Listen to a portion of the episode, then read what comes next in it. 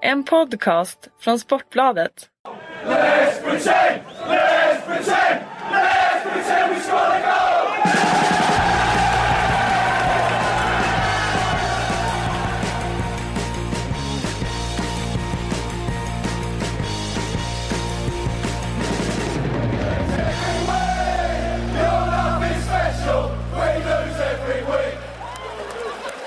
Hälsar vi hjärtligt välkomna till Sportbladets Premier League-podd. Mitt namn är Patrik Syk, med mig har jag Frida Fagerlund och Kalle Karlsson. Eh, känns det bra efter eh, andra omgången utav eh, Premier League nu är färdigspelad? Känns det så att vi, som att vi är inne i det nu? Har premiärnerverna släppt? Våra premiärnerver. Mm. Eh, ja, nej men det är klart att det känns som man är inne lite. Jag brukar säga att när man kommer till första landslagsuppehållet efter det då börjar vi inne i serielunks eh. Här i början är det fortfarande sådär, visst vi är inne i det men det är fortfarande den där entusiasmen inför att det är nya lag och nya liksom bekantskaper sådär. Så uh, Sen är det ju det här med deadline eller att eh, transferfönstret fortfarande är öppet, det stökar ju lite det på något sätt. Det känns att man inte riktigt är, är klar och inne i det. Det kan fortfarande hända saker i lagen. Det, det påverkar också tycker jag. Men absolut. Sen var det väl, eh, de pratade väl lite om att de skulle ändra på det där. Eh, Mm. Att de ville ha deadline day samma, eller dagen innan Trä-. Premier League-managerna eller tränarna har haft någon slags möte, jag vet inte, alltså men undrar hur sånt går till? De måste ju haft det över Skype eller någonting för att Man har ju svårt röksignaler. Ja man har, man har ju svårt att se dem, eh, deras scheman i det här liksom skedet av säsongen precis inför allting ska dra igång. Ja men vi, vi ses på ett hotell i, i Birmingham nu då så eh, Det går ju inte, det tror jag inte går att genomföra. Men på något sätt så har de haft något slags eh, rådslag. Råd, och kommit fram till att de vill att, eh, att transferfönstret ska stänga före säsongen drar igång. Och det är ju rätt rimligt känns det som. Ja verkligen. Och man kan egentligen undra varför det inte har diskuterats eh, på allvar tidigare. För att eh, eh, Det är ju ganska många år sedan transferfönstret infördes. Det var väl där runt 2002 eller något sånt där. Varför har man inte kommit fram till det tidigare? I så fall skulle man ju kunna eh, alltså, så, jobba med sin trupp på ett helt annat sätt. Nu blir det ju alltid att man blir ja, eh, lite mm, liksom osäker i, i början av säsong för du vet inte vad har du egentligen när den här augusti månaden är slut. Mm. Det påverkar ju också en, en försäsong som man Sen kan ju i och för sig, om fönstret stänger dagen innan eh, säsongen börjar så kan ju i alla fall bästa spelaren säljas dagen innan säsongen startar då. Absolut. Men när väl säsongen har startat då vet man i alla fall vad man har att jobba med fram till januari. Sen är det ju alltid en sån där svår fråga med arbetsrättsligt och så vidare liksom att Mm. eh, fri rörlighet och allt det där. Det är en diskussion man kan föra länge. De är, Sen, ja. ja, sen är det ju lite kul ändå att ha deadline day, allting samlat på en dag. Det är ju en, eh, Men det kommer det bli ändå, eller? jo, Dagen innan säsongen börjar. men det blir ju inte på samma, på samma sätt. Varför Nej, det- inte? Ja men inte lika många, inte lika mycket överraskningar och sådär. Nej tänker du jag. menar så? Nej. Spänningsmomenten ah, okej du försvinner. menar så att, ja. Ja det finns ju en del som, som man har spelat tre matcher då liksom när deadline day kommer och då är det klart att det finns några som har panik. Men det är också det här med att Champions League-kvalen är avgjorda då. Eh, så man vet, du har, ta, ta Liverpool och Hoffenheim nu till exempel som möts imorgon, vi ska prata lite om den matchen. Eh, de vet ju först imorgon om de har ett Champions League-spel att erbjuda till en spelare Mm. som vi vet är en viktig eh, En viktig del i vågskålen när man ska försöka övertala någon eh, Så att ja, det, det där, det känns ju också osäkert eh, ja, ja, vi får väl se hur det går. Det känns som att alla de stora ligorna skulle behöva komma överens om samma sak då. Ja precis. Man kan ju säga så här, de införde ju transferfönster för att faktiskt gynna de lite mindre klubbarna. För annars var det ju så, om en större klubb inledde lite dåligt och sådär. Det var ju bara handplockade spelare i september liksom. Ja men nu köper vi in två. Och sen, ja, hade vi ställt saker till rätta ganska fort liksom. Eh, helgen då? Eh, senaste omgången fick vi se en, eh, ett förmodat eh, toppmöte, det kommer det ju vara i slutet på säsongen också. Vi fick se Tottenham mot Chelsea, ettan mot tvåan från förra säsongen. Eh, och premiär då på Wembley för Spurs, Wembley-spöket, det lever. Du, du var redan trött på det sa du förra Frida, men jag kommer, jag, jag kommer tjata om det här. Mm, det är jag och Pochettino som är trötta på det redan. Han, Ev eh, eventuellt Erik Niva också. han snäste av journalisterna rätt, rätt bra både innan matchen och efter. Ja. Eh, och sa att nej men i det här fallet tycker jag väl jag att Tottenham gör ju en ganska bra insats. Det är ju Chelsea som är jättebra och står på rätt ställe och eh, får undan varenda hörna och eh, nej men eh, jättebra insats av dem och, och jag kan tycka att eh, Luis som var ganska förvirrad i eh, matchen mot Burnley och inte visste vad han hade sig själv riktigt, han var ju strålande i den här matchen. Ja, Så i en att, eh, mittfältsroll. Ja, Det var ju det som var när, när Fabregas var avstängd och det, det fanns uppenbara luckor och man har liksom skeppat iväg Nemanja Matic som ju hade förstås varit en given spelare på den positionen eh, precis just där. Eh, då fick man plocka upp David Luiz och det gjorde han ju med bravur. Ja verkligen. Eh, jag är inte helt säker faktiskt på att eh, det hade, att Conte hade haft en annan matchplan om Fabregas hade varit tillgänglig. För det här kändes typiskt så här Antonio Conte, lite José Mourinho-aktigt. Alltså en specifik matchplan för en specifik match där, okej, vi ska bara riskminimera. Eh, det var ju så han spelade med Italien under senaste mästerskapet och gjorde det otroligt bra och stängde ner Spanien bland annat i, i den matchen. Eh, just mot Tottenham som spelar 3-4-3 så tror jag han skulle kunna ha gått till matchen och känt så här med det material han har tillgängligt att vi kan inte matcha dem spela, spelare för spelare så vi, det är ingen idé att vi spelar 3-4-3 för Tottenham kommer vara lite bättre än oss. Eh, vi stänger centralt istället. Ja, jäklar, Ja. han, det, det, var, det var trångt centralt verkligen. Det blev, Ja det blir ju det om du spelar 5-3-2 sådär på det där sättet och det blir ju, ja, de som följer Allsvenskan har ju säkert sett hur AIK spelar eh, i Allsvenskan och det här var ju samma konturer kan man säga. Eh, strunta i att bo- motståndarna har bollen på kanterna. Det ska bara vara totalt stängt när man spelar in bollen i mitten. Och det var det ju. Sen tycker jag väl i och för sig att Tottenham gör det bra som Frida är inne på. Alltså de, de kommer till en mängd chanser redan i första halvlek. Och um, kändes som att de kunde ha gjort ett och två mål där och då hade vi suttit och pratat på ett annat sätt. För det är det där, när man spelar 5-3-2 man får inte hamna i underläge, eller får inte hamna men det är väldigt svårt om du hamnar i underläge för då måste du kliva fram med dina vingbackar på ett helt annat sätt och då öppnar du dig. Men så länge du inte gör det, då är det ju stängt. Och nu fick de ju 1-0 där med frisparken, då är det bara att rida vidare på vågen och det gjorde de ju. Ja. lite otippat också att det var Alonso som eh, Mm. fick bli matchhjälte. Eh, det var ingen, ingen dålig frispark men sen samtidigt har inte han gjort sådana frisparkar Jo, förr. jo. Jag tyckte det var lite, lite konstigt ändå att, eh, att den sitter eh, så klockrent.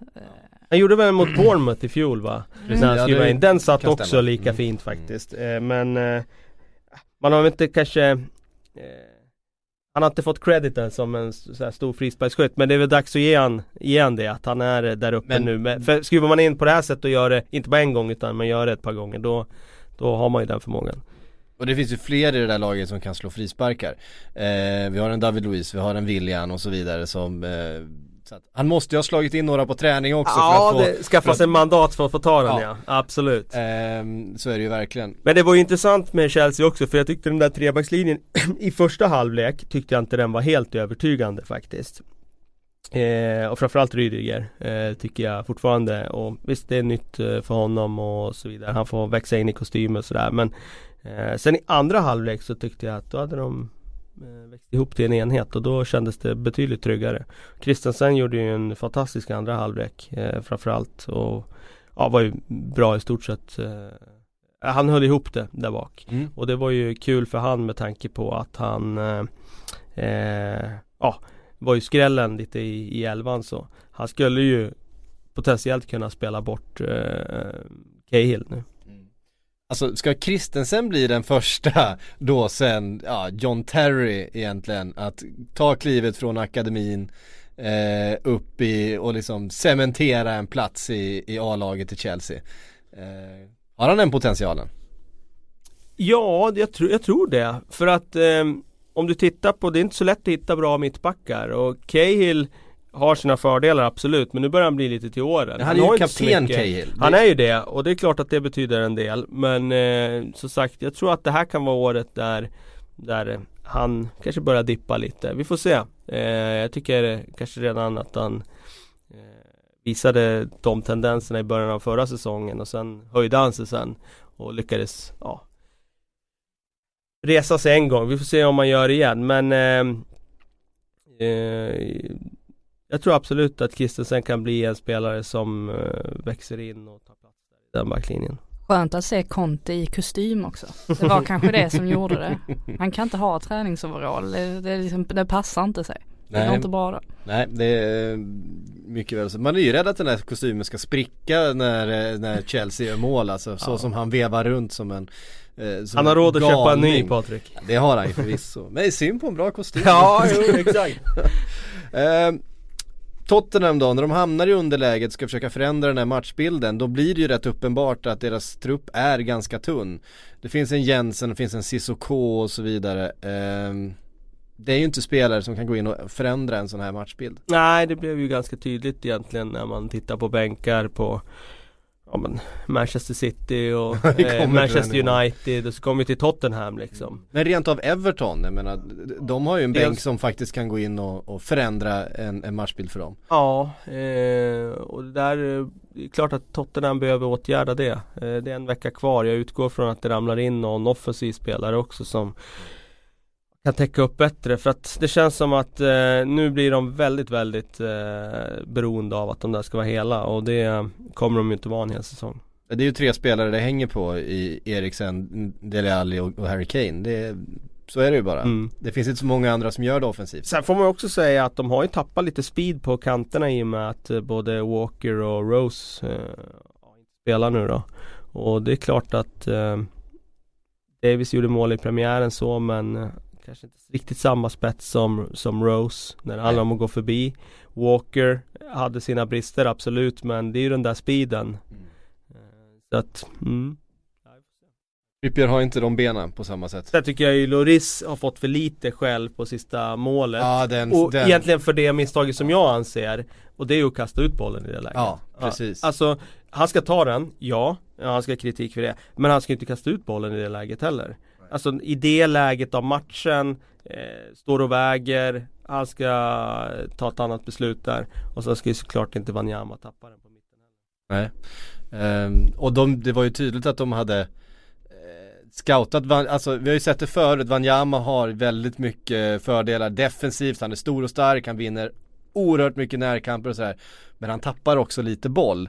Eh, Hans, hans passningsspel är inte, är inte det allra rappaste, det var ju tydligt att Chelsea hade liksom utsett det som eh, deras referenspunkt i pressen, att det var honom de skulle stjäla bollen från.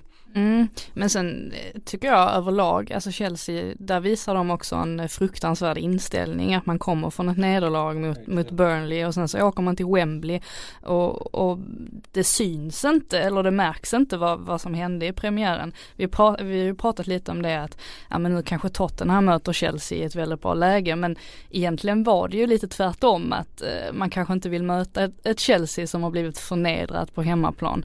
De, de var ju, de var hungrigare helt enkelt. ja, ja. Oerhört disciplinerad, Nej, jag håller med. Det är otroligt starkt mentalt att åka dit Sargad trupp och göra en sån insats där du kommer inte ha bollen alls men du ska bara sätta varenda fot rätt i 90 minuter och det gjorde de i stort sett. Framförallt i andra halvlek. Eh, vi lämnar eh, Tottenham-Chelsea där och går vidare till eh, Manchester United som ju för tillfället då toppar eh, denna tidiga liga. Eh, andra 4-0 eh, segern i rad. Den här gången var det Swansea, Ned, nedflyttningstippade Swansea ska vi säga, eh, som kom från en ganska tung premiär och fick det inte mycket lättare mot eh, Manchester United även om man stod upp hyfsat då i typ en timme och sen så orkar man inte och så rasade det iväg. Eh, 4-0, det finns en hel del eh, anfallskraft i det där Manchester United just nu när det väl när väl tillfällena ges, när ytorna blir lite större då, eh, då visar de ju vad de kan. Mm, vad var det, 110 år sedan de senast inledde med två 4-0 segrar, tror jag det var. Det är ganska länge sedan. Det är en bra statistik. Det är en ganska bra statistik. Eh, nej men eh, jag tyckte väl i, i första halvlek, eh, de leder ju rättvist där med, med 1-0 men sen samtidigt var de ju inte alls så, alltså 4-0 det speglar, det speglar ju kanske inte, inte hela matchbilden Nej, så som det såg ut. Eh, men sen visar de ju där på slutet hur, hur starka det... de är och när de väl får ytor så, ja. så blir det väldigt bra. Och Mkhitaryan var ju fenomenal också. Ja precis, framförallt då när ytorna blev lite större på slutet och Swansea försökte flytta upp lite grann för att kanske eh, hitta ett kryss, de har ändå hemmaplan och så vidare. Eh, jag menar, se en Pogba som inte har en speciellt bra match, Mkhitaryan har egentligen inte tycker jag en, en speciellt bra match, i alla fall i första halvlek. Eh, men så fort ytorna kommer när det här tunga, svåra när Nemanja Matic har tuggat på på mitten och Lukaku sprungit och sprungit och dragit isär lite trötta, ja men då har de sån kvalitet och sån spets och eh, de, det, Swansea har ju då inte en chans när koncentrationen brister lite grann. Nej så är det, jag håller med. Jag tycker inte att de var i närheten av lika bra som i premiären. Då tyckte jag de var fenomenala. Eh, den här matchen eh, är ju faktiskt levande och i allra högsta grad när Swansea nickar någon, är det en hörna eller en frispark de nickar över mm. med 20 kvar. Jag menar 1-1 där, då blir det en helt annan sak. Eh, nu rinner det iväg och det ser siffrorna väldigt snygga ut men Det jag tycker är intressant att fundera på det är, Jag tycker Om man tar offensiven, det är lätt att säga att den är bra nu när de gör åtta mål på två matcher men när de kombinerar nu så är det en helt annan synk än vad det var tidigare och då är det Varför har det blivit det? Är det för att de har mer djupledshot nu som trycker ner motståndarnas backlinje på ett annat sätt än vad de gjorde i fjol? Eller är det bara att de känner varandra bättre? För nu känslan när de kommer till sista tredjedel nu, framförallt i West Ham-matchen, det var ju liksom att Ja men De hittar varandra eh, det, det är liksom, det är nya, de spelar, det finns hela tiden någon som är ledig, det är någon som kommer i fart och så vidare och det tyckte jag de saknade i fjol. Jag vet inte ifall det är, är det 2-0 eller 3-0 målet där eh, Mkhitaryan spelar fram eh, Pogba? Jag tror det är 3-0 va? 3-0 måste det vara. Eh, han står där, han har precis gjort sin gubbe vid, vid eh, kanten av straffområdet och han har egentligen tre val eh, vart han kan slå bollen. Han har en Lukaku som är inne och är beredd att vinna sin duell eh, centralt. Han har en, ett spel i sidled till, jag minns inte vem det är, som, som kan gå på skott och så kommer Pogba i djupet. Eh, och han slår bollen perfekt ner till, till Pogba som, som chippar. Och jag menar, att ha den spelaren, en poängspelaren som Mkhitaryan är och ha med, de, tre val, med, med, med, med de tre alternativen. Eh, då är det rätt svårt att försvara sig och då då är man rätt så, rätt så giftiga faktiskt. Jag tänkte också på när Martial gör sitt mål i första matchen mot West Ham Just tajmingen i den eh, Alltså hela den situationen är så otroligt bra. Han kommer in från kanten, kommer in mellan Sabaleta och mittbacken i precis rätt ögonblick. Det är inte i närheten av offside. Alltså just den där synken verkar de ha fått till och det, det kan vara så enkelt som att de har fått mer tid med varandra nu. Mkhitaryan var ju ny förra hösten och spelade inte ens första, för första hösten eh, egentligen så mycket.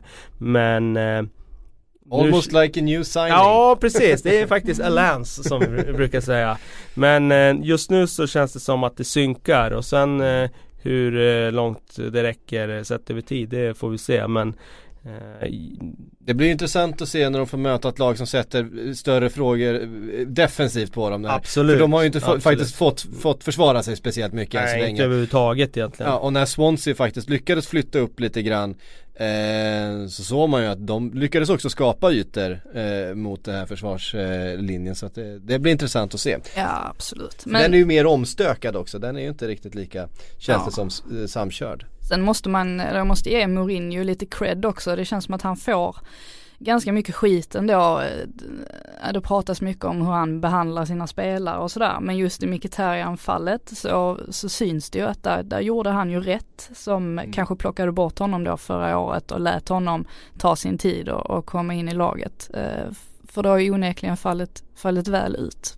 Vi får väl hoppas att det är den eh, metodiken han använder på Vigge nu då. Precis. Um, Manchester United, på andra sidan eh, stan så eh, spelade Manchester City ett vansinnestempo, en vansinnesfotboll mot Everton igår. Vilken match, den hade det mesta. Väldigt, mm. alltså, väldigt lite mål egentligen med tanke på hur, hur eh, matchbilden var. Men jag menar vi har två röda kort och vi har Du gillar röda kort, du brukar jag- ta upp det när du, när du snackar om bra matcher Ja, men det, en bra match måste ju ha ett rött kort Ja det säger det, Ja, ja, okej ja. Ja. Sen kanske, sen, sen tycker jag väl kanske att det inte, det, det är inte de tydligaste röda korten. Jag tycker att jag tycker, alltså Nej. Schnei- Schneiderlins tackling på Agüero har ju av många hånats men jag tycker att det är ett gult Ja det tycker jag också För det är en jävligt farlig satsning och han tar faktiskt eh, foten på honom. Även att det är klart han kastar sig och vrider sig, han får ju inte ont av det där men, men det är ju ett gult kort. Ja det tycker jag också. Jag tro- trodde faktiskt inte det var det första gången jag såg det. För Nej. han träffar ju boll också. Ja. Men sen tar ju den andra foten Precis. ganska rejält på Agüeros fot. Så att, Han jag- kommer och bak- sats, satsningen liksom. Så Ja. att eh, jag håller med. Det, det I så fall är ju Walkers, där tycker jag att den kan vara rätt hård, det andra gula kortet där. det andra, ja. Ja, samtidigt så är han ju, så är han ju korkad Ja, med ett gult absolut, kort som, som absolut. kliver in där. Men Kyle Walker är ju liksom inte där för att fatta de absolut smart, det är inte därför han är värvad. Han ska springa fort. Eh, för att eh, någon beslutsfattare på planen, det har han ju aldrig eh, varit sådär. Så att det, Mm. sånt kan man ju få av en sån spelare. Men som du säger, en märklig match. Men jag tycker där, eh, alltså precis när Everton har- gjort sitt första mål, precis innan där, så får man säga att det är Jagielka mycket som, som räddar dem flera gånger om. Där hade det ju, vem är det, Silva som drar den i stolpen Ja. och sen minuten senare så gör Everton mål. Det, det hade ju kunnat se helt annorlunda ut också. Sen tycker jag att Idrissa eh, Gaye Ghana, ja eller Ja, Gay. Gaye eller Ghana eller vad, vad man nu ska kalla honom Var fenomenal Ja. igår Vilket jobb han Ja. tar alltså Verkligen. David Silva måste ju drömma mardrömmar om honom eh, i natt det, Ja han var ju lite N'Golo Kanté-aktig igår Ja. i sitt sätt att täcka ytor men också stark när det väl vankades dueller och sådär. Eh, nej han imponerar verkligen. Vi kommer ihåg just vilken sensation det var i början av förra säsongen. Men också att han var ju faktiskt, han visar ju de här tendenserna i Aston Villa i ett extremt svagt Aston Villa ska vi komma ihåg. Och Everton fick honom väldigt billigt. Eh, lite av ett fynd eh, förra sommaren. ja och, eh, extremt Ja, verkligen. eh, Och nu känns det som i dagens marknad, alltså ja, vad ja, hade han ja, kostat? Ja men absolut det, är ju 600 miljoner på honom också Det kostar ju alla spelare nu för tiden ja, Ehm. Nej men en, en otrolig match och så måste vi ju nämna Rooney förstås som gör mål igen Mm. Han hade väl inte sin bästa match för han sprang ju väldigt mycket. Sprang väldigt mycket, inte så snabbt det, är, det, är inte, det är inte världens fart i, i, Nej man sprang i alla fall, det får man Ja. ändå se som positivt i hans fall för det kändes som att bensinen var slut lite eh, ja, men de senaste två åren när det handlade om Förut sprang han ju så extremt mycket Ja. men nu kändes det som att han sprang ändå Visst det går inte lika fort som när han var 20 år liksom men han sprang i alla fall Sen höll han på att ge bort ett mål där också när han slog en Ja. idiotpassning in i mitten där men Man får ändå lyfta på hatten alltså han eh, Stora matchernas man, det har han alltid varit. Och han kommer till Etihad och han får göra mål på den arenan där. Han har gjort mål och avgjort matcher tidigare. Så det är klart att eh, det Så var ni- en så fin ni- story. Såg ni den bilden förresten? Eh, det måste vara, för, för det var hans första, första mål på Etihad Så är det en bild tagen i exakt samma vinkel, vi har den i tidningen idag. Eh, Eller ifall det är på nätet bara. Tagen i exakt samma vinkel, han springer och jublar så att göra mål så så ju en exakt samma vinkel då igår. Då ser man det är samma folk som står och gör samma gester mot honom tio år senare Några har vuxit upp och blivit vuxna som var barn då men det, deras farsa står med samma halsduk och samma två fingrar i luften åt honom De trodde att de skulle slippa honom men nej, Nej det. Eh, det är helt magisk den, eh, det, de två bilderna tillsammans. Man ser att det är samma personer som står där, det, säsongskorten. Det var intressant tycker jag igår hur bra City var när de var 10 man För det måste jag säga, Ja. det är ju någonting som har förändrats i fotbollen. Om vi går tillbaka 20 år eh, Då sa man ju att, ja men När man får en utvisad, det gynnar, den är svårt att spela mot 10 man eh, För att de ja, springer mer och liksom sådär Sen förändrades ju fotbollen på de här 20 åren. Det har blivit mera bollinnehav, komma rätt i pressen och så här. Är man en man mindre idag, det är ju en sån extrem nackdel idag. Alltså du Rent matchmässigt är du ju körd, sen kan du ha tur på något sätt. Men City går ju verkligen in och, och kör med 10 man Och dominerar. för matchen Ja. och dominerar och skapar chans på chans på chans. Och man kan ju fundera över det här bytet Ronald Koeman gör. Han, när City blir eh, 10 man så går de ju upp och spelar med Everton har ju startat med tre mittbackar. Det är deras grunduppställning. Det, det är väldigt logiskt mot två anfallare att du har en extra där bak. Mm. Sen när eh, City då spelar med en anfallare, då gör ju Koman ett offensivt byte i det läget när han leder matchen. Han lyfter en mittback och tar in en mittfältare för att liksom få mer kontroll på det. Blir, annars blir de liksom onödigt låga. Men eftersom City var så bra så blev det ju någonstans fel beslut. Alltså de hade behövt en mittback till för att freda sig uppenbarligen. Ja och det är ju, ja men både Schneiderlin och, eh, och eh, Gaia, de, de får ju skydda sin backlinje i 90 minuter i stort sett. De får springa där och täcka allt och täcka allt och täcka allt. Svaghetstecken för Everton tycker jag också, kan vi bara tillägga det. Att det inte var bättre än vad de var när de ledde matchen, var en man mer.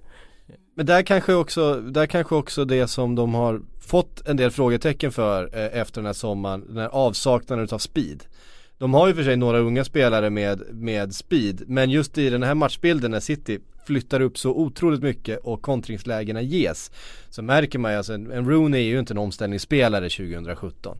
Ehm, finns Calvert Lewin är ju lite det. Calvert Lewin och han tyckte jag var väldigt bra Ja, igår. han var bra. Ehm, Igen får man säga, han gjorde ju fina sist i premiären också. Ja, och Tom Davis också är, är ju det egentligen men man tycker ändå att man hade velat ha ytterligare någon, någon spets, någon speed kanske plockat ut Rooney mot en mer alltså. Mirallas. Ja, en Mirallas kanske är så, som ju har tempo men alltså en sån där Loic Remy typ liksom att, att ha det laget, en riktig spjutspets med, med riktig fart under fötterna Ehm, för att Everton kommer ju hamna i den här situationen rätt ofta där de de får försvara sig lägre mot de bästa lagen och man måste slå de här bästa lagen och man måste kunna ta klivet. Ehm, där, där tycker jag det saknas, så man kan inte liksom riktigt hänga upp det där spelet på Calvert Lewin och Tom Davis och ja, Kevin Mirallas i, i all ära sådär va men, men ehm, om man ska lyckas med, med de matchplanerna. Sen ser man hur viktigt det är att ha en stabil målvakt också. Pickford Mm. är ju var. än så länge en väldigt bra värvning. Eh, lugn och eh, tar rätt beslut och, och sådär. Det, det behövs ju när man möter ett sånt här offensivt Och vilka lag. bollar han fördelar eh, emellanåt Pickford. Han hittar långa passningar långt ut. Han kan ju sätta igång de här kontringarna på egen hand väldigt effektivt. Så ett par exempel på. Ehm, kryss i alla fall. Var det rättvist tycker ni? Bollen är ju inte rättvis. Eh, nej men det, det hade kunnat stå 3-0 eller bli 3-0 till Che- Chelsea, till City också. Um, då blev det 1-1. Bra jobbat Everton och jag tror faktiskt att City är ganska nöjda också. Jag tyckte Pep såg nöjd ut efter slutsignal. Han förstod nog att den här matchen lika gärna hade kunnat förloras också. Ehm, eh, vi var inne på ett spöke tidigare, det eh, Wembley-spöket. Ett kanske ännu mer livskraftigt spöke är ju Arsenals eh, bortaspöke mot Stoke. Eh, jag vet inte när de vann där senast på Britannia. Eh, det, är, det är rätt länge sedan i alla fall. Och det blev en ny borta förlust eh, för Arsenal och vi fick se Jesse, nyförvärvet, eh, inlånade, lite lite hånade eh, nyförvärvet eh, till Stoke eh, göra väldigt bra ifrån sig. Men eh, frågan är hur försvarar Arsenal på, på det målet han gör? Ja, eh, inte så bra som de borde ha gjort eh, uppenbarligen. Nej men det är väldigt fint eh, avslut från eh, Jesse. Eh, sen vet jag inte, det, jag tyckte att Stoke, de, de, var, de var inte riktigt som Stoke brukar vara. Eh, det svängde mycket mer om dem än, än vad man är van vid att se. Eh, och jag tror att det är därför de vinner i slutändan också. De tar, tog lite fler risker än vad man hade tänkt att de skulle göra. Bland annat. Ehm, nej, inte lätt att möta Stoke en regnig kväll.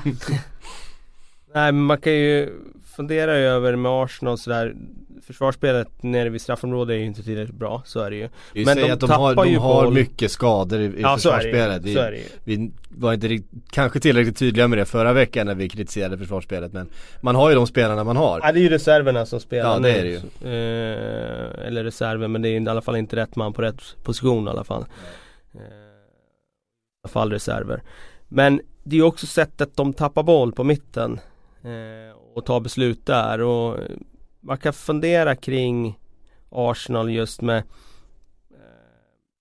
Centralt, alltså har de ett centralt eh, liksom eh, Har de centrala spelare för att vara så solida? Jag är inte säker på det. Alltså de vinner inte dueller på det sättet de ska vinna dueller. Och de tappar boll. Så det blir liksom antingen eller. Antingen har du Mm. spelare som inte tappar boll, då kanske de är lite svagare fysiskt. Eller så har du fysiska spelare som vinner det. Men nu har de varken eller. Som är toppklass. Och ehm, så att den där backlinjen blir ju utsatt också på ett annat sätt. Och ja, det är klart, har man inte ordinarie spelare där bak, då blir det ju som det blir liksom. Och det känns som att det är Granit Xhaka som ska göra det där och så är skydda det ju. Det, han, backlinjen. de, har, de har ju köpt han för att han ska Ja. göra det. Och det gör han ju inte. Jag tyckte han eh, slog bort mycket i, Les- eh, i matchen mot Leicester också. Ehm, eh, han gick lite plus minus noll i den matchen känns det som. Han slog någon ehm, framspelning till något mål men tappade samtidigt jättemycket boll och det var ju lite liknande den här matchen också. Ehm, Precis, framförallt på Stokes mål så är det ju han som inte tar jobbet hem heller utan eh, Stoke får komma där tre mot tre och eh, både Özil och eh, Xhaka som är i närheten av situationen de, de trampar ju inte hela vägen hem utan de, de låter backlinjen försöka få lösa det problemet som de själva har skapat. Eh, ja, då blir det ju tufft sen. Tre mot tre så ska man väl inte släppa in sådär bollar så enkelt. Eh, kan man tycka men eh, så blev det i alla fall. Kul för eh, Jesse. Verkligen. eh, det är sådär, när de kommer de där säga det mm, Ja, jag det- ser det på dig. Gillar det. Du, bra uttal också va? Ja, ja. Du har tränat länge på det där. Ja visst. Eh, nej men det är ju alltid intressant när de kommer de där eh, reactsen från de stora klubbarna i Spanien liksom. Hur bra är de? Hur bra är en Afelai? Hur bra är en Boja Kirkic? Och hur bra är en Jesse? Eh, Shakiri. är en Shakiri, även om han inte har varit i Barca och Real då men eh, Ibland blir det ju sådär att man känner, ja men är de verkligen någonting liksom? De fick inte så många minuter där men det är klart att de har kvaliteter för annars hade de inte fått sätta sin fot i, i de där lagen liksom. Um, vad tror vi om Stoke då? Det var ett lag som vi satte en del frågetecken för inför säsongen. Eh, det känns väl inte som de har rätat ut allihop men jag menar eh, tre poäng hemma mot, eh, mot Arsenal är ändå meriterande. Ja det är det ju. Fortfarande lite sådär eh, identitetskris tycker jag med Stoke. Vad är de för lag? Eh, de byggde åt ett håll ett tag och blev liksom mer eh, bolltrillande och sådär. Är det den linjen de ska gå på eller ska de vara det här laget som har Shawcross och Kurt och, och så vidare. Alltså de hamnar mitt emellan. För mig är det ett Stoke som fortfarande letar efter sin identitet så att jag kan inte se något annat än att de blir någonstans i mitten liksom. Fått en fråga gällande den här matchen eh, och gällande Arsenal från eh, Tim Tomasson eh, Frida. Hur ska Arsenal få ut max utav Özil? Kanske är han en lyxspelare man inte har råd med idag. Känns det så? Ah, Özil är ju lite upp och, upp och ner. Eh, jag såg en jätterolig tweet från eh, Stoke-polisen. Eller var det något, eh, något Arsenal-fan som hade twittrat eh, till polisens officiella konto och frågat, eh, eller sagt att han ville anmäla ett rån. Varpå Stokes-polisen svarade, eh, nej tyvärr vi har fullt upp just nu med att leta efter en eh, saknad person med efternamnet Özil. Och det var ju lite så, det var ju lite så det kändes i den här matchen så försvann han. Eh, Fruktansvärt bra svar. Ja det är sjukt bra. Och det här var från officiella konto ja. eller? Ja. Okej. eh, Ja det är ju Det är ba- riktigt- bara i England, Ja alltså. det är riktigt bra humor alltså. Eh, och det, det var ju lite så det var i den här matchen att han försvann. Sen eh, glömmer man ju bort lite eh, att Sanchez eh, fortfarande är borta och att eh, han eh, och Özil är ganska duktiga på att hitta varandra vanligtvis. Eh, får han stanna kvar nu och komma tillbaka så tror jag det kommer se bättre ut ganska omgående. Ska väl tilläggas att de hade ett regelrätt mål i nät också. Och sen blev jag förvånad, alltså sen får ju Giroud den där chansen i sista spelminuten Som vi har ju sett honom sätta hur många som helst senaste säsongerna. Han får stå helt ren och nicka på mål Men den här gången så går den ja, en decimeter utanför. Den borde ha gått in. Eh, Och då hade han gjort det igen och räddat poäng i sista sekunden. Helt otroligt vilken effekt de får utav eh, Giroud som en impact sub. Han är ju verkligen, han är ju verkligen supersubben just nu. Det är ju ingen som har de siffrorna som han har Normally, being a little extra can be a bit much, But when it comes to healthcare, it pays to be extra.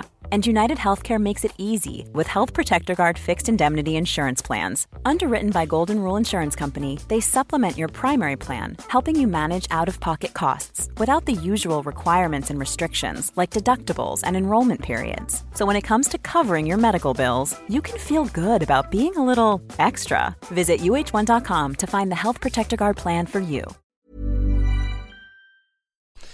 Um, vidare från den då. Uh, Liverpool blev räddade utav Mané uh, hemma mot Crystal Palace. Det var också ett spöke. Crystal Palace har tre raka segrar på, på Anfield inför det här mötet. Uh, lyckades inte upprepa det istället så sjabblade man fram bollen till en eh, Sadio Mané som petade dit den. det kan man inte göra mot en, mot en sån spelare. Hur viktig är Mané för Liverpool just nu?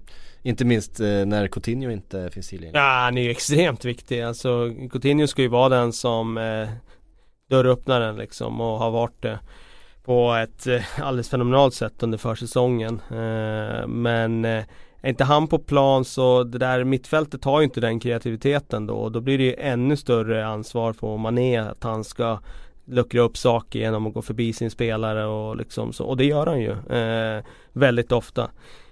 Salah är ju en annan typ av spelare, han ska mer komma i fart och, och, få bollen i fart och mm, så. Men Mané nu är ju den som ska liksom få saker att hända så att just nu vilar ju Jag skulle säga att han kanske är Premier Leagues viktigaste spelare för sitt lag just här och nu med tanke på att Coutinho inte är tillgänglig för Ta bort Mané ur Liverpool då, alltså vad har de för spets kvar då? Och vem ska liksom servera de övriga då? Vem ska få saker att hända? Ingen.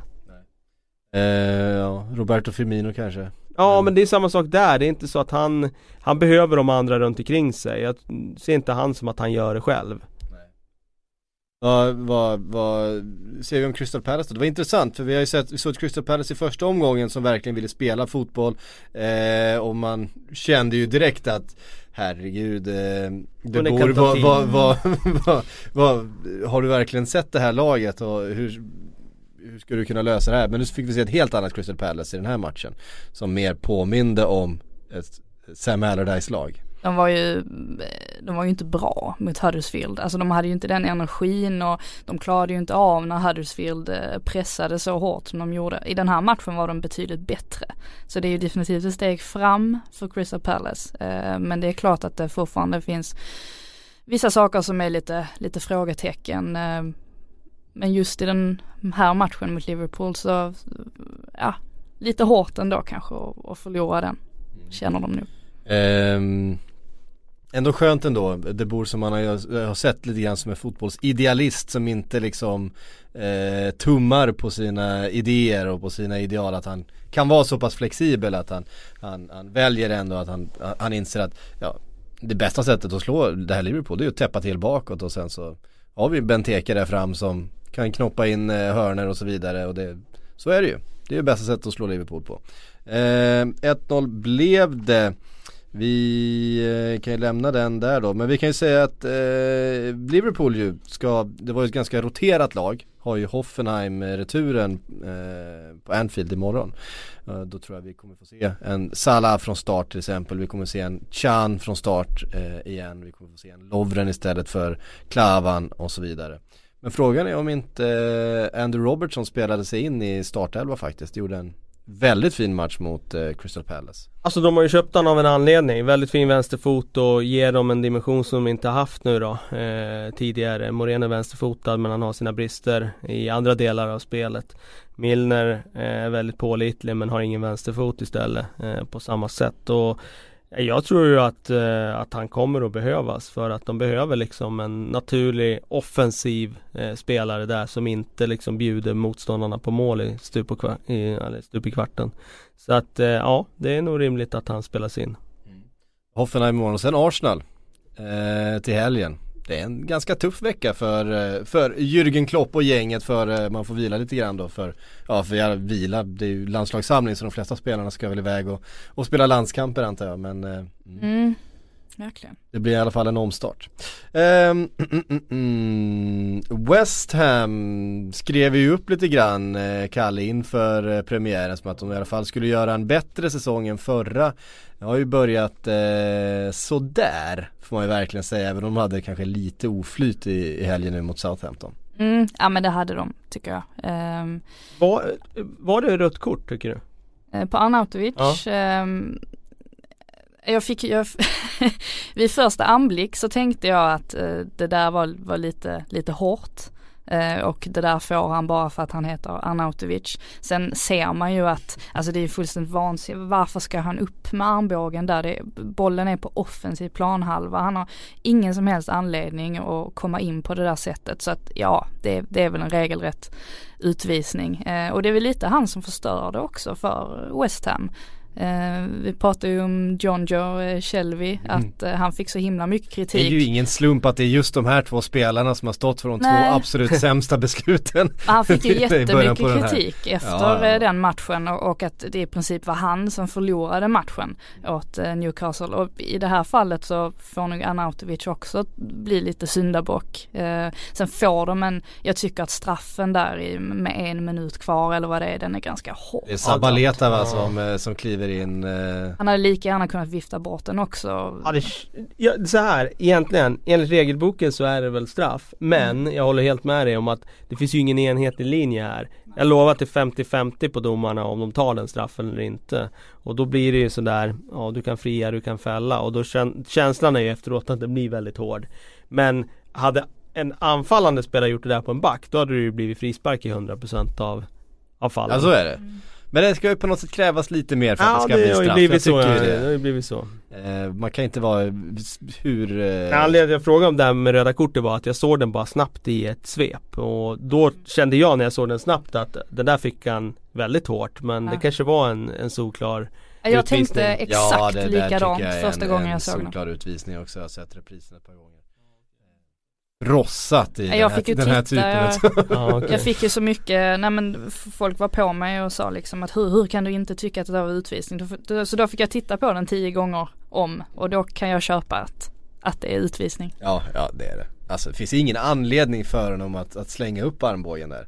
Nej exakt eftersom att det är offensiv planhalva och, och bollen är liksom på väg upp. Det är vi, nej väldigt Vä konstigt läge att ta den där. Överlag väldigt mycket röda kort. Ja. I början på den här säsongen. Eh, Hal Lite Robson Canoe. liknande grejer också. Gjorde ju något, han är bara, Hal Robson Canoe är ju bara, ja precis mm. för det var ju också en, en, en liknande incident. Eh, eh, alltså den fjärde spelaren någonsin som alltså har blivit inbytt, gjort mål och sen fått ett rött kort. Det är sånt du gillar. Eh, ja, bra statistik. Du gillar ju röda kort så att, röda kort. Eh, finns de i statistikuppgifter då går du igång på dem. ja. eh, men ett eh, fint mål han har göra. Före han visades ut. För eh, West Brom som, ja, kommer ta sina poäng som alltid. Det är ju, det är ju en kanonmatch annars, West Brom Burnley.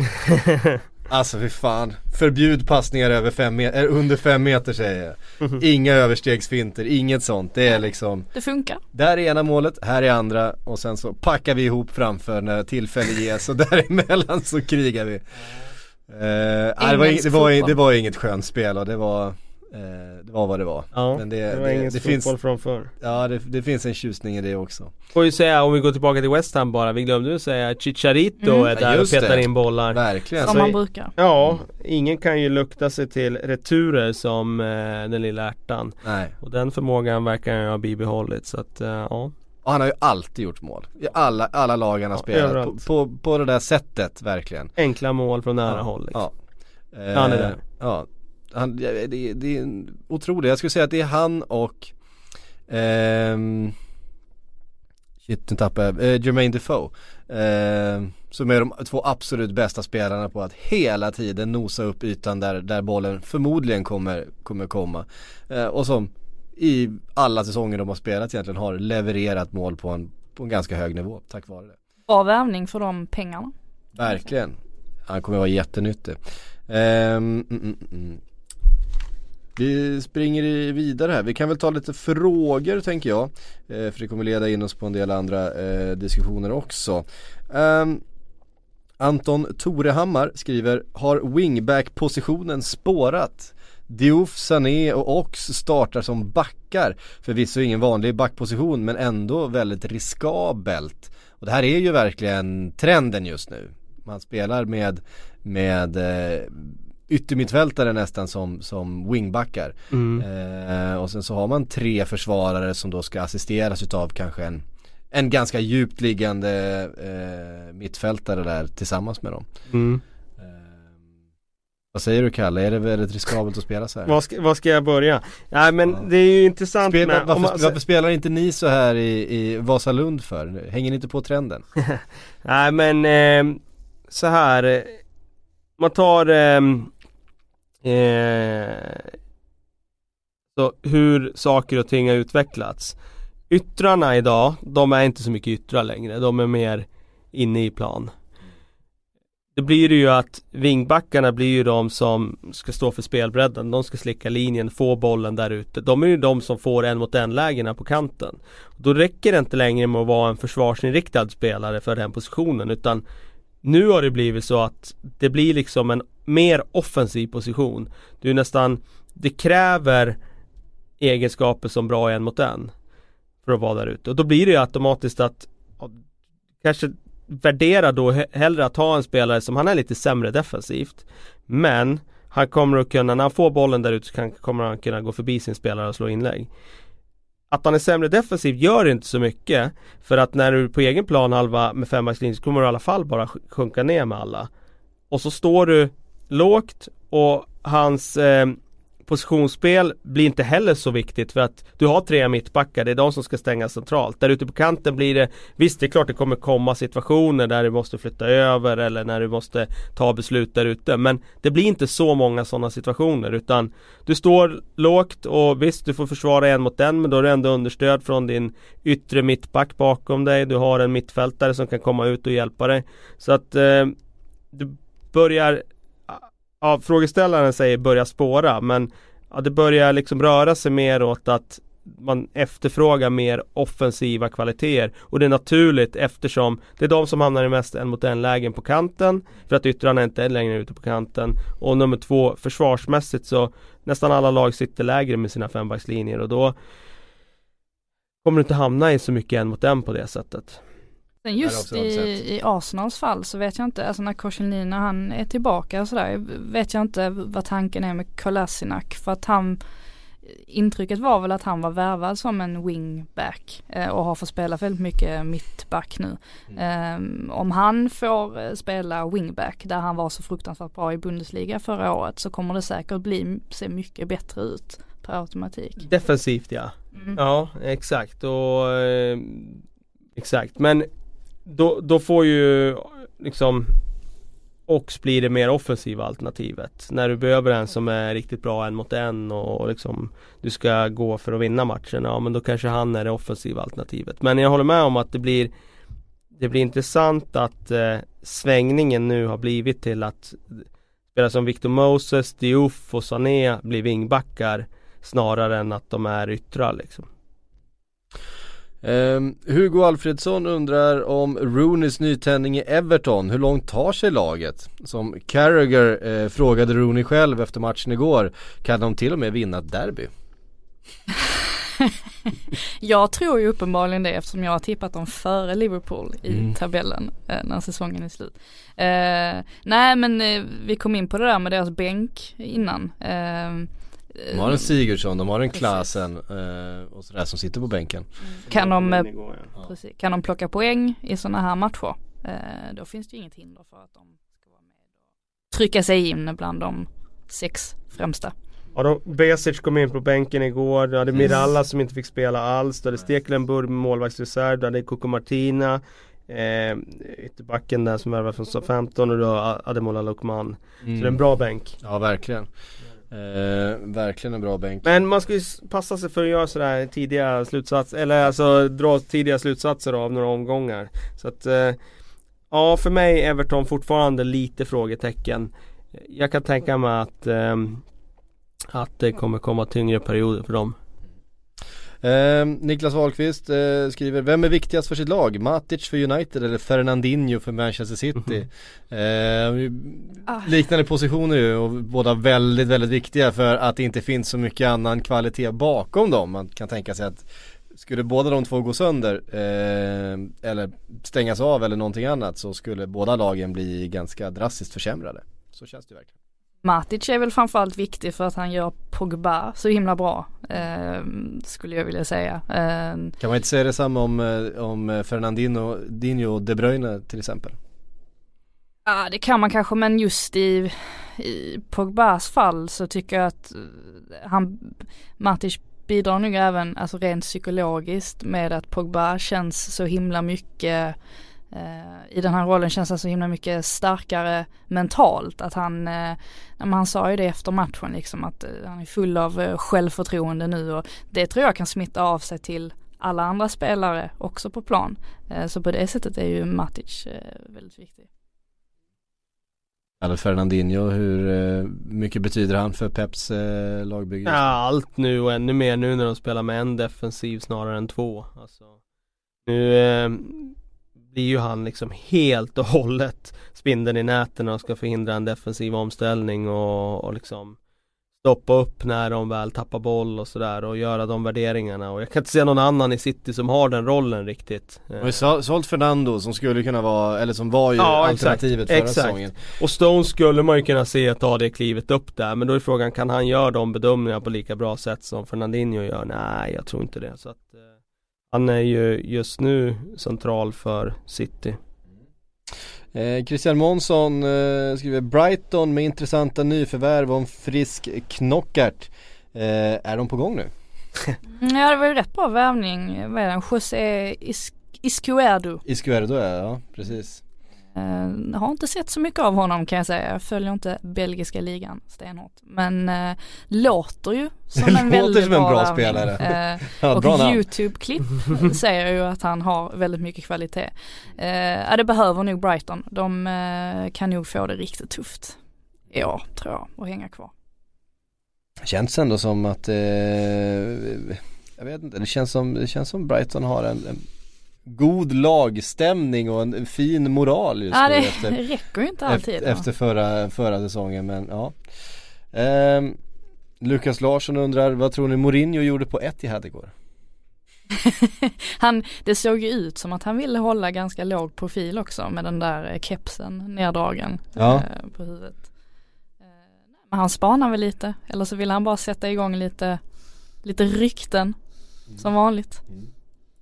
Eh, Erik Modeus eh, skriver, hur länge håller Huddersfield-hypen? Ja, hypen kan nog hålla länge med tanke på att eh, deras tränare är så karismatisk och eh, kommer att bli en profil. Det har vi sagt väldigt eh, många gånger och, och så. Så att hypen kan nog runt själva klubben och sådär, den kan nog leva på. För jag tror att fansen de kommer att känna liksom att eh, de har fått vänta så länge på att vara uppe i högsta ligan så de kommer att skapa en väldigt bra atmosfär där i varje match och man kommer känna att det här är ett lag som älskar varje varje gång eh, det vankas match liksom både spelare, publik och, och klubb liksom. Men eh, hur länge håller deras resultatrad? Det är ju en annan fråga och det ska jag säga att det håller inte så länge till. Det är klart att de kommer att tas ner på jorden. De har varit bra hittills absolut men eh, det känns som att något lag borde kunna eh, avslöja dem. Inget speciellt så. Eh, men man får ändå känslan av att Huddersfield har gjort precis det som Newcastle borde ha gjort. De kommer upp som nykomling, fulla av energi, jag vill verkligen bevisa sig, jag vill absolut inte vara någon slagpåse den här säsongen. Man ser skillnaden så tydligt där gentemot Newcastle att de inte alls har den attityden som de borde ha. Nej, så är det ju och den, den entusiasmen och den viljan den kan ju räcka långt alltså. Och det, eh, och det är det jag menar, det är därför jag tippar att de skulle klara kontraktet och det är det jag tror att det, det kommer räcka till det men eh, Prata liksom eh, att de skulle mm, haka på mitten övre halvan då tror jag att det kommer att komma ganska snart att, att de är nere på jorden igen. Ja, de är se. eh, Moi som är väldigt bra för dem. Mm. Eh, Och Monier. Och Monier, eh, som ju kom in ganska sent och har kommit väldigt fint in i Monier har det ju varit mycket snack om, Monier har det varit mindre snack om men han var ju deras bästa spelare i fjol enligt de som följde laget eh, vecka ut och vecka in eh, där och han visar ju nu att det är en klassspelare. Liksom. Ja, eh, det är roligt. Ett annat lag som det inte går riktigt lika bra för, vi har fått en fråga här från eh Eh, eh, David Smith. Hur stort problem är Bournemouths avsaknad utav eh, kreativitet på mittfältet? Kan ni rekommendera en rimlig värvning skriver han, men det kan vi väl överlåta till en annan podcast att göra sånt. Men konstatera att Bournemouth ser, ja det, det finns bekymmer där. Det finns det. Jag hoppades ju på att de skulle kunna bygga vidare på det de gjorde i fjol och liksom ta ytterligare något kliv till och med. Jag håller med som han skriver att det, det, känslan är att det saknas kreativitet i laget. Fjol var ju den där Fraser någon slags injektion som kunde liksom få saker att hända och sådär men då skulle det behöva något nytt nu. Även Jack Wilshere förra säsongen i perioder var ju faktiskt väldigt nyttig för dem. Absolut. Även om det var korta perioder så fanns det perioder där han bidrog med det. Så att ja det är någon sån typ av eh, liksom eh, injektion de skulle behöva. De kommer ju liksom De har ju sin identitet som det här ändå spelande laget som vill eh, rulla boll och vill kunna liksom producera målchanser ur öppet spel. Eh, och då känns det som att det krävs i alla fall eh, en eller två eh, kreativa spelare centralt. Ja. Mer än det man har för att kunna lyckas med det. Och jag tror att Eddie Howe sa det också till och med att, att eh, de behöver få in eh, spelare till eh, för att det inte fungerar. Och och man pratar om orättvisa resultat och sådär, Bournemouth har ju faktiskt förlorat de här inledande matcherna eh, fullt rättvist, eh, om man kan uttrycka sig så. De har inte varit bra helt enkelt. Eh, så att nej, det behövs nog eh, göras någonting där. Mm. Eh, det var länge sedan vi tog ut en elva, Kalle. Vi, mm vi, tog ut mycket älvor i fjol med alla möjliga egenskaper. Eh, men jag har fått en fråga, jag tänkte vi får se, vi har några minuter kvar här. Eh, Nils Henningsson undrar en elva med spelare som Shelby och Arnautovic. Alltså hög högsta nivå men inget huvud. Eh, och det blir lite intressant och vi börjar eh, målvakt då med, eh, med den här eh, tok högsta nivån men Vi har satt Shelby eh, som centralfigur, fri roll på mitten i den här elvan eller? Självfallet. Ja. ja Urtypen. Ja. En målvakt med, som är bra men inte har något huvud. Mm. Oj. Ja den är, den är svår, det finns, det, det, det finns ju målvakter som har sådana här eh, Eh, fantastiskt, alltså så här, Tim Krull som ju egentligen är, kanske är en 3 plus målvakt men har 5 plus match, alltså han är ju väldigt oberäknelig Ja men nu snackar du bara i liksom i prestationer Ja precis, mm. det känns som en rätt stabil kille i övrigt. Målvakter är ju lite säregna ofta så det borde ja, inte vara så svårt att uh, komma på, tycker man. Ta en titt på Tim Wiese. Um, och sådär. Nej men det man, det man far efter är ju en sån här uh, um, Egoita Ja precis. Eh, Ja nej men vi lämnar målvaktspositionen då. Ja.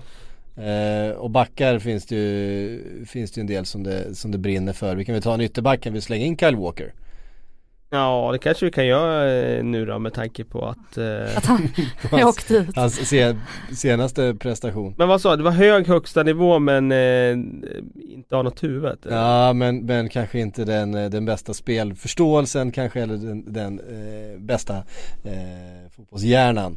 Ah, okay, eh, Som det brinner lite för. Arnautovic är ju också han är given på vänsterkanten där och Shelby har det på mitten Ja, det, jag kommer inte på nu faktiskt. Vi får återkomma i ämnet tror jag. Ja, jag... För att det var svårt att bara brainstorma fram namn här. Ja. Måste fundera lite mer på det. Kevin Miralla skulle jag kunna se på högerkanten. Det är en hög högsta nivå på honom men Jag tänker mer sån här var, var inte alltså, han eller hon som ställde frågan med sig ut efter eh, sådana som det brinner till för? Eller mer bara att de är speldumma?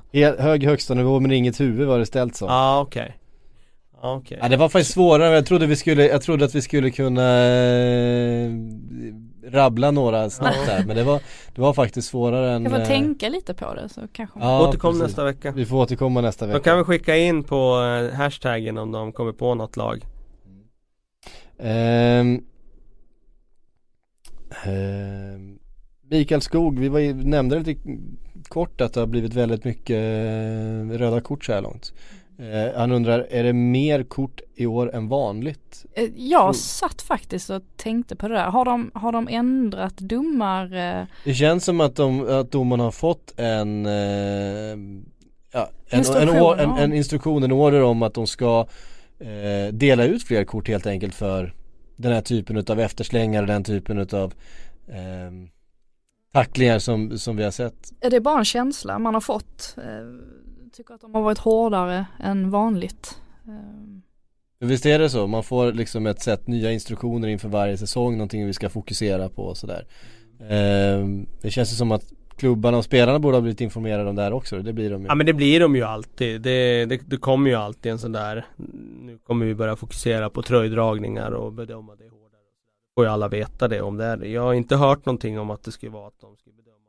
Men det blir ju också en sån där lite av, man sätter ju någon slags en kultur liksom. Jag tror att domare tittar ju på vad andra domare gör och sådär och ser man att ja, nu bedöms det här vara rött kort och då tror jag det blir lätt att då blir det det i nästa match liksom. Mm. Eh, Mattias Olsson skriver, för något år sedan kom vi fram till att Swansea och Crystal Palace var Premier Leagues hipsterlag. Eh, nu med Shakiri, Jesse och Choupo-Moting och så vidare måste det väl vara Stoke. Eh, Huddersfield är väl Ja hipsterlaget. nu Ja, är ja. det, nu är Jag tänkte verkligen hipsterlaget är- nummer ett.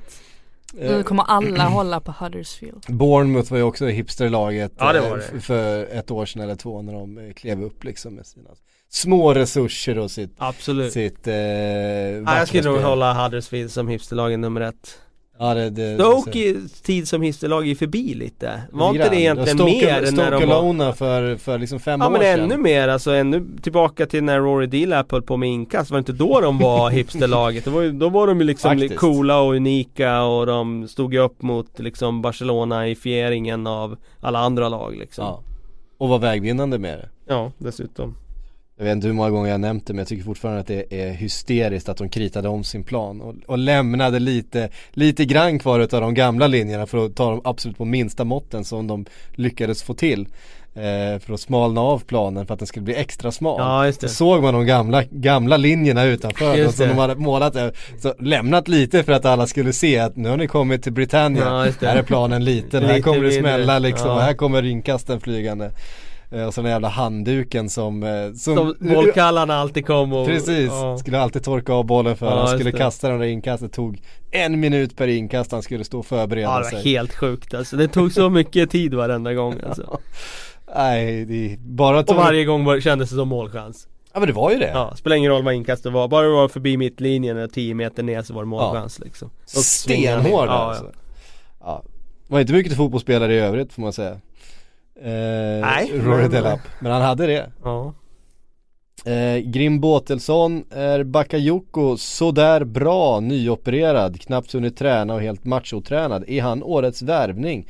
Årets mittfält med Kanté frågan, kan det bli något? ja, det kan absolut bli något. Det kan absolut bli något. Nu hävdar jag att eh, spelar man 5-3-2 på det där sättet så så är det ganska enkelt, eller det är enklare att vara bra. Du ska bara täcka ytor och vara spelförstörande liksom. Vi får se när det är matcher mot, där det ställs lite högre krav på att Chelsea ska göra något själva. När de har bollen och så vidare. Eh, men det var ju en positiv debut framförallt med tanke som man skriver där att han har varit skadad och kastats rakt in i hetluften så. Men det kan absolut bli ett bra mittfält och eh, han är ju Han har ju egenskaperna för att lyckas i Premier League definitivt. Sista frågan då, från Glenn Hägg. Calvert Lewin, är han på riktigt eller Frida? jag vet att du var lite tagen av honom igår. Nej men jag är väl framförallt tagen av att man som 20-åring går in och är så fullständigt, eh, alltså man bryr sig inte om vem det är som står på andra sidan och eh, ja men Otamendi han, han flög ju, eller föll lite lätt där någon gång och då tittar liksom Kyril Lewin på honom precis som att vad, vad sysslar du med? Varför tar du det för ansiktet? Jag nuddar dig knappt. Eh, det är ganska härligt med unga spelare som kommer in och, och tar för sig på det sättet och det har funnits fler den här omgången. Han, eh, nu vågar jag knappt uttala namnet, Richard Lisson? Richard Lisson? Ri- Ja precis. Han är också Ri- bara Richard, 20 år. Richarlison. Richarlison. Ja. Han- Han är också bara 20 och kommer in och, och, och man märker inte av det. Jag, ty jag tycker det finns något, eh, det är något imponerande över det. Kan ju säga, nämna någonting om Watford också så här precis i slutet. Vi, vi, vi, eh, de tog sig inte in i körschemat. Men de har ju faktiskt eh, imponerat i de här två matcherna. Var väldigt bra mot Liverpool och, och vinner övertygande. Och eh, Marco Silva eh, Ja honom kommer vi nog hylla i slutet på den här Starkt lag, alltså kraftfulla spelare, mycket. Eh, ja. Och organiserade. Framförallt organiserade, för jag tycker inte det är någon superimponerande laguppställning de ställer ut. Jag tycker de inte hade bättre, nej, nej det är det jag menar. Alltså jag tycker de har bättre liksom, material egentligen än de två senaste Så har de ju Troy Deeney skadad nu då Dessutom. som ju kommer komma in och vara Förstås, han är ju deras talisman verkligen och, och gör ju alltid bra eh, för sitt Eh, men de blir att hålla utkik De kanske blir hipsterlaget här vad det lider. Watford Det är ju ett osexigt lag Ja det får man säga. Verkligen. Västra London där uppe. Men det kan nog, det kan nog bli om, jag, jag, jag, en liten sån här spaning att eh, Watford kring jul kommer vara när Huddersfield har liksom tacklat av lite grann och blivit lite avslöjade Du tror på. Watford som hipsterlag? Ja, jag, tror, Nej, jag tror inte det. Watford kommer vara med där på övre halvan och eh, jag har ju inte tippat dem så men, men eh, någonting säger mig att Eh, det finns någonting där. Eh, ser svårslagna ut. Ja, eh, hörde ni, det var allt vi hann den här tisdagen faktiskt. Eh, vi är förstås tillbaks om en vecka igen och så får ni inte missa Sillypodden som eh, spelar in sitt sista avsnitt nu på måndag. Eh, och eh, så är det deadline day om en vecka igen och sådär. Ja. Ni hänger med. Ni, ni, ni kan rutinerna vid det här laget. Tack för oss, hej!